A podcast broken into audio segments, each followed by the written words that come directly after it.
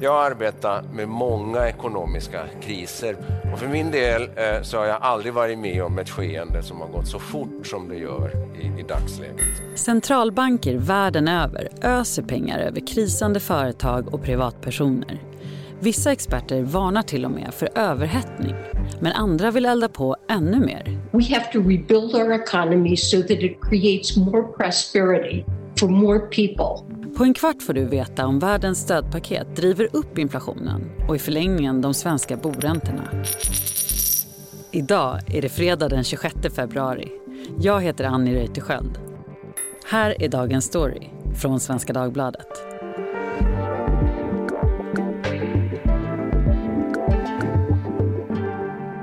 Johan Karlström, du har bevakat svensk penningpolitik i drygt tio år. Förstår du ens vad som kommer hända med inflationen? Det är jättesvårt att säga om. Olika experter har olika åsikter så att eh, det, det, det, det är helt enkelt svårt. Är det mer förvirrat nu än någonsin skulle du säga? Ja absolut. Alltså, tidigare år så har det bara handlat om att få upp inflationen. Det har varit ett problem med att inflationen har varit alldeles för låg och riksbanker eller centralbanker, där bland, bland annat då Riksbanken i Sverige har gjort allt för att då just få upp inflationen. Uh, genom, I Sverige har vi haft minusränta. Uh, vilket uh, aldrig har hänt i Sverige förut. Mm. Så nu har situationen ändrats helt och hållet och mycket beror ju då på coronapandemin som har gjort att länder har pumpat ut en massa pengar i systemet och som ligger och cirkulerar. Massa stödpaket, Eh, och samtidigt som centralbanker har tryckt massa nya pengar för att köpa obligationer och de har sänkt räntorna och sådär. Och det är det som har lett till den här oron då för att inflationen kommer att ta fart och kanske bli för hög. The spread of the coronavirus has been a major shock to the growth prospects of the global economy. Så har vi också påfrestningar på ekonomin, jobben, vi har ett eh, väldigt allvarligt ekonomiskt... The economic damage is already here. Man måste förstå allvaret i den här situationen. Nu är vi mitt i en pandemi och arbetslösheten skenar och världen eldar på med de här stödpaketen. Och I USA så varnar Obamas förre rådgivare Larry Summers för att det här är för inflationsdrivande. You can almost be certain that something crazy is in the air. Kan det bli en jätteinflationsbrasa av allt det här? Ja, det skulle kunna bli det, i alla fall på kort till medellång sikt.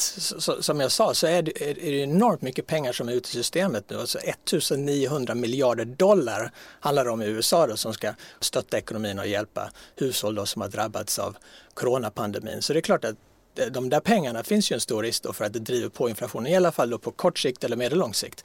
Men sen så finns det olika åsikter där också. Larry Summers då, eh, han eh, är ju då mer orolig för det här än andra. Det finns en annan känd ekonom som heter Paul Krugman som har vunnit Nobelpriset i ekonomi. Eh, och han tror ju inte på samma inflationsbrasa som Larry Summers utan han tror att hushållen kommer att ta de här pengarna men kanske inte spendera dem med en gång så fort som ekonomin börjar öppna upp utan de kanske kommer att hålla lite hårdare i, i plånboken och att det då gör att inflationen inte tar fart.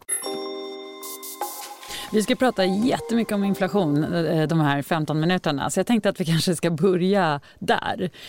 Vad är inflation?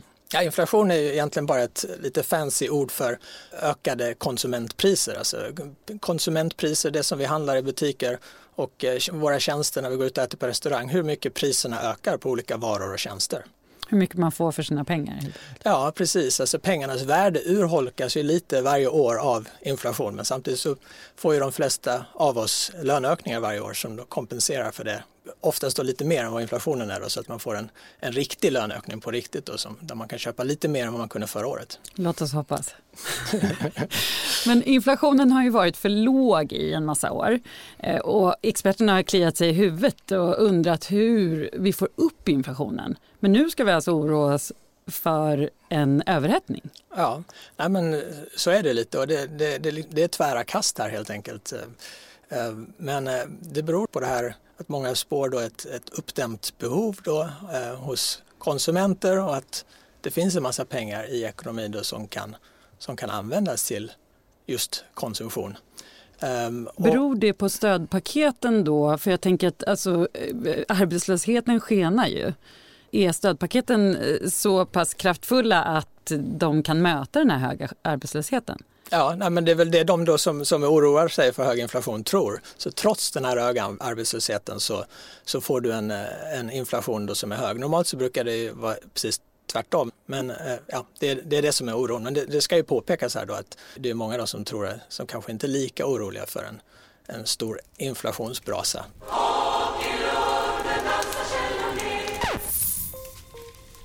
Riksbankens eh, kanske huvuduppgift är ju att hålla inflationen i schack. Men kan de ens det längre? Ja, alltså, Riksbanken kan ju påverka inflationen men kanske inte så mycket som man hade velat eftersom vi, vi lever i en global ekonomi som är sammanlänkad med handel och sådär så att eh, får du ökade priser på ett, ett ställe så, så sprider det sig lätt till andra länder. Så på så sätt så, så är det svårt för, för en liten centralbank som Riksbanken och ett litet land eh, som Sverige att påverka. Men det är klart att de, de kan ju påverka genom att höja eller sänka räntan. Det gäller att veta vad som är vad. Finanspolitiken, det är när politiker styr den svenska ekonomin, till exempel med höjda eller sänkta skatter och bidrag. Penningpolitiken däremot, den sköts av Riksbanken och handlar framförallt om att hålla inflationen i schack genom att höja och sänka reporäntan. Och penningpolitiken får ingen politiker lägga sig i.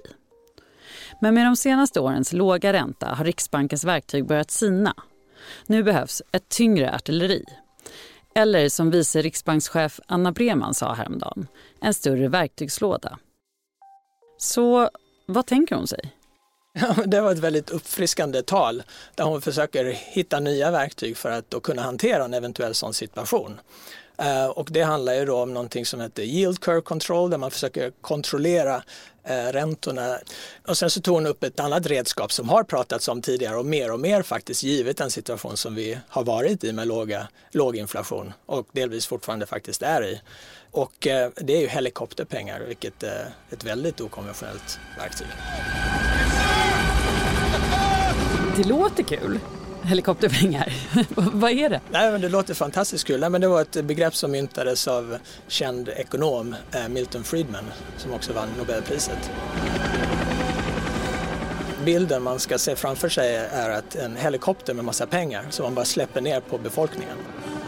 Det är ju ett sätt att kanske elda på inflationen om folk helt plötsligt bara får en massa nya pengar. Vad ska vi göra med dem? Eh, vi, vi handlar för dem och så går inflationen upp. Men i realiteten så skulle det då kunna fungera som att eh, Riksbanken då eller någon annan centralbank trycker en massa nya pengar och så sätter de in det på folks eh, sparkonton helt enkelt.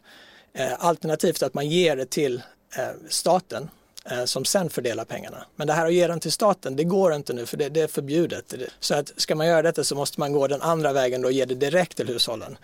Eh, men, men även det är ju otroligt kontroversiellt och eftersom eh, Riksbanken då på något sätt lägger sig i finanspolitiken. Det är ett väldigt stort ingrepp att göra för Riksbanken och människorna som sitter på Riksbanken är ju inte direkt valda av folket.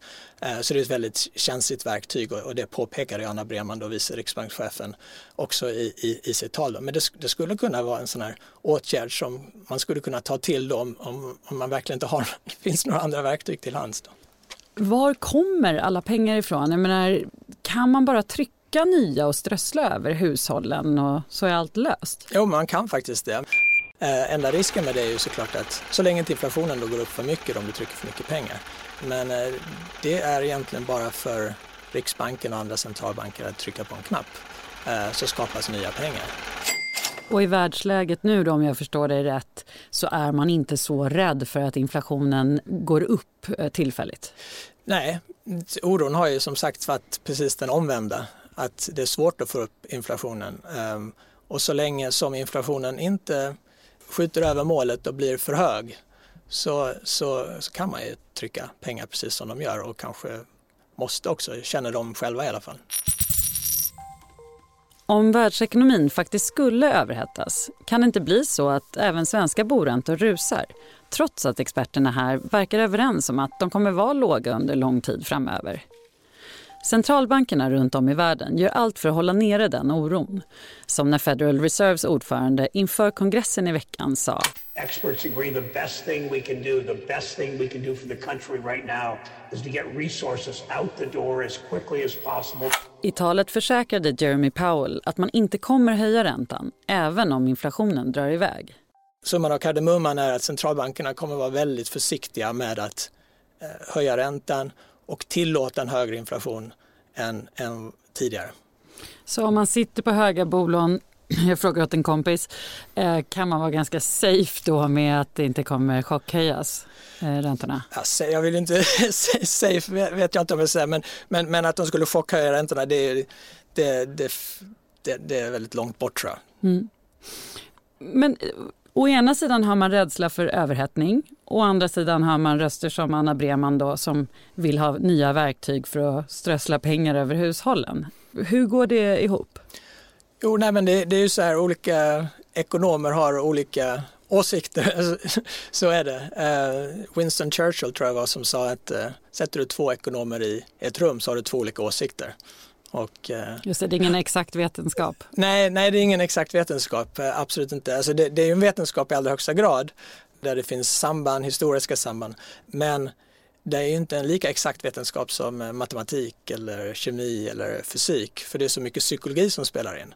Och världen ändras ju hela tiden så det är så många rör, rörliga faktorer här som ligger och skvalpar så att säga. Så att eh, det är ju genuint jättesvårt att veta, speciellt om du kommer in i en helt ny situation som det här med coronapandemin. Så att eh, det är ju en gissningslek det här delvis så att säga.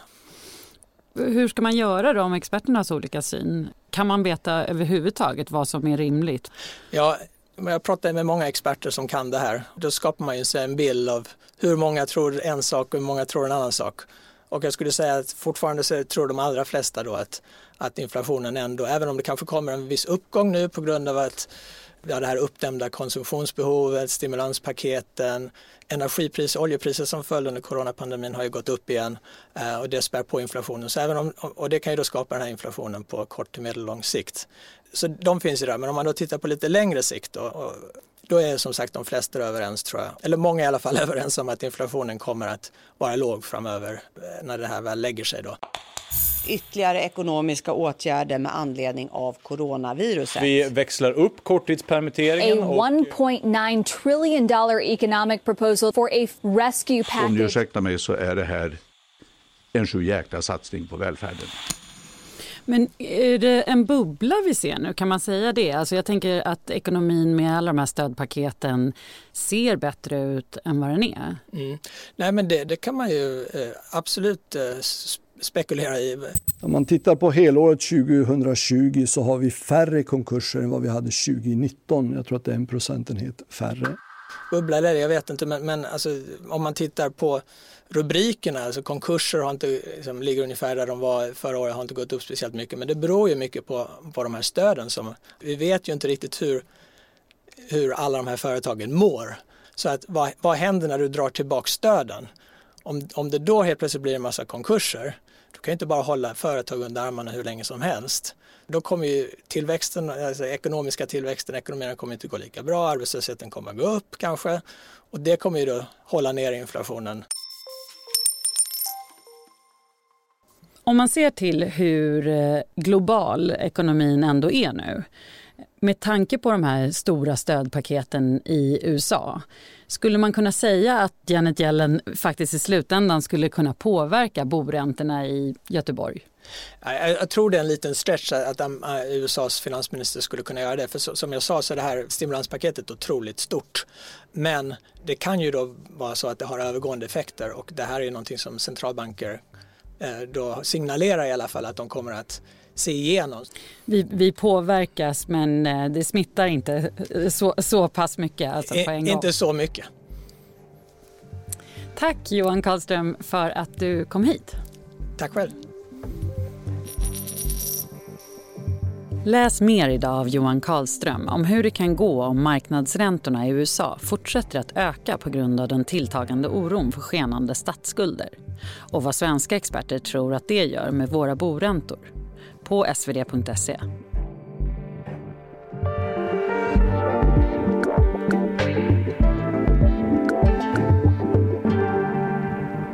Dagens story från Svenska Dagbladet ger dig djup och perspektiv på de viktigaste nyhetshändelserna. 15 minuter varje vardag. Vi som gjorde programmet idag är producent Daniel Persson Mora, redaktör Maria Gelmini och jag heter Annie Reuterskiöld.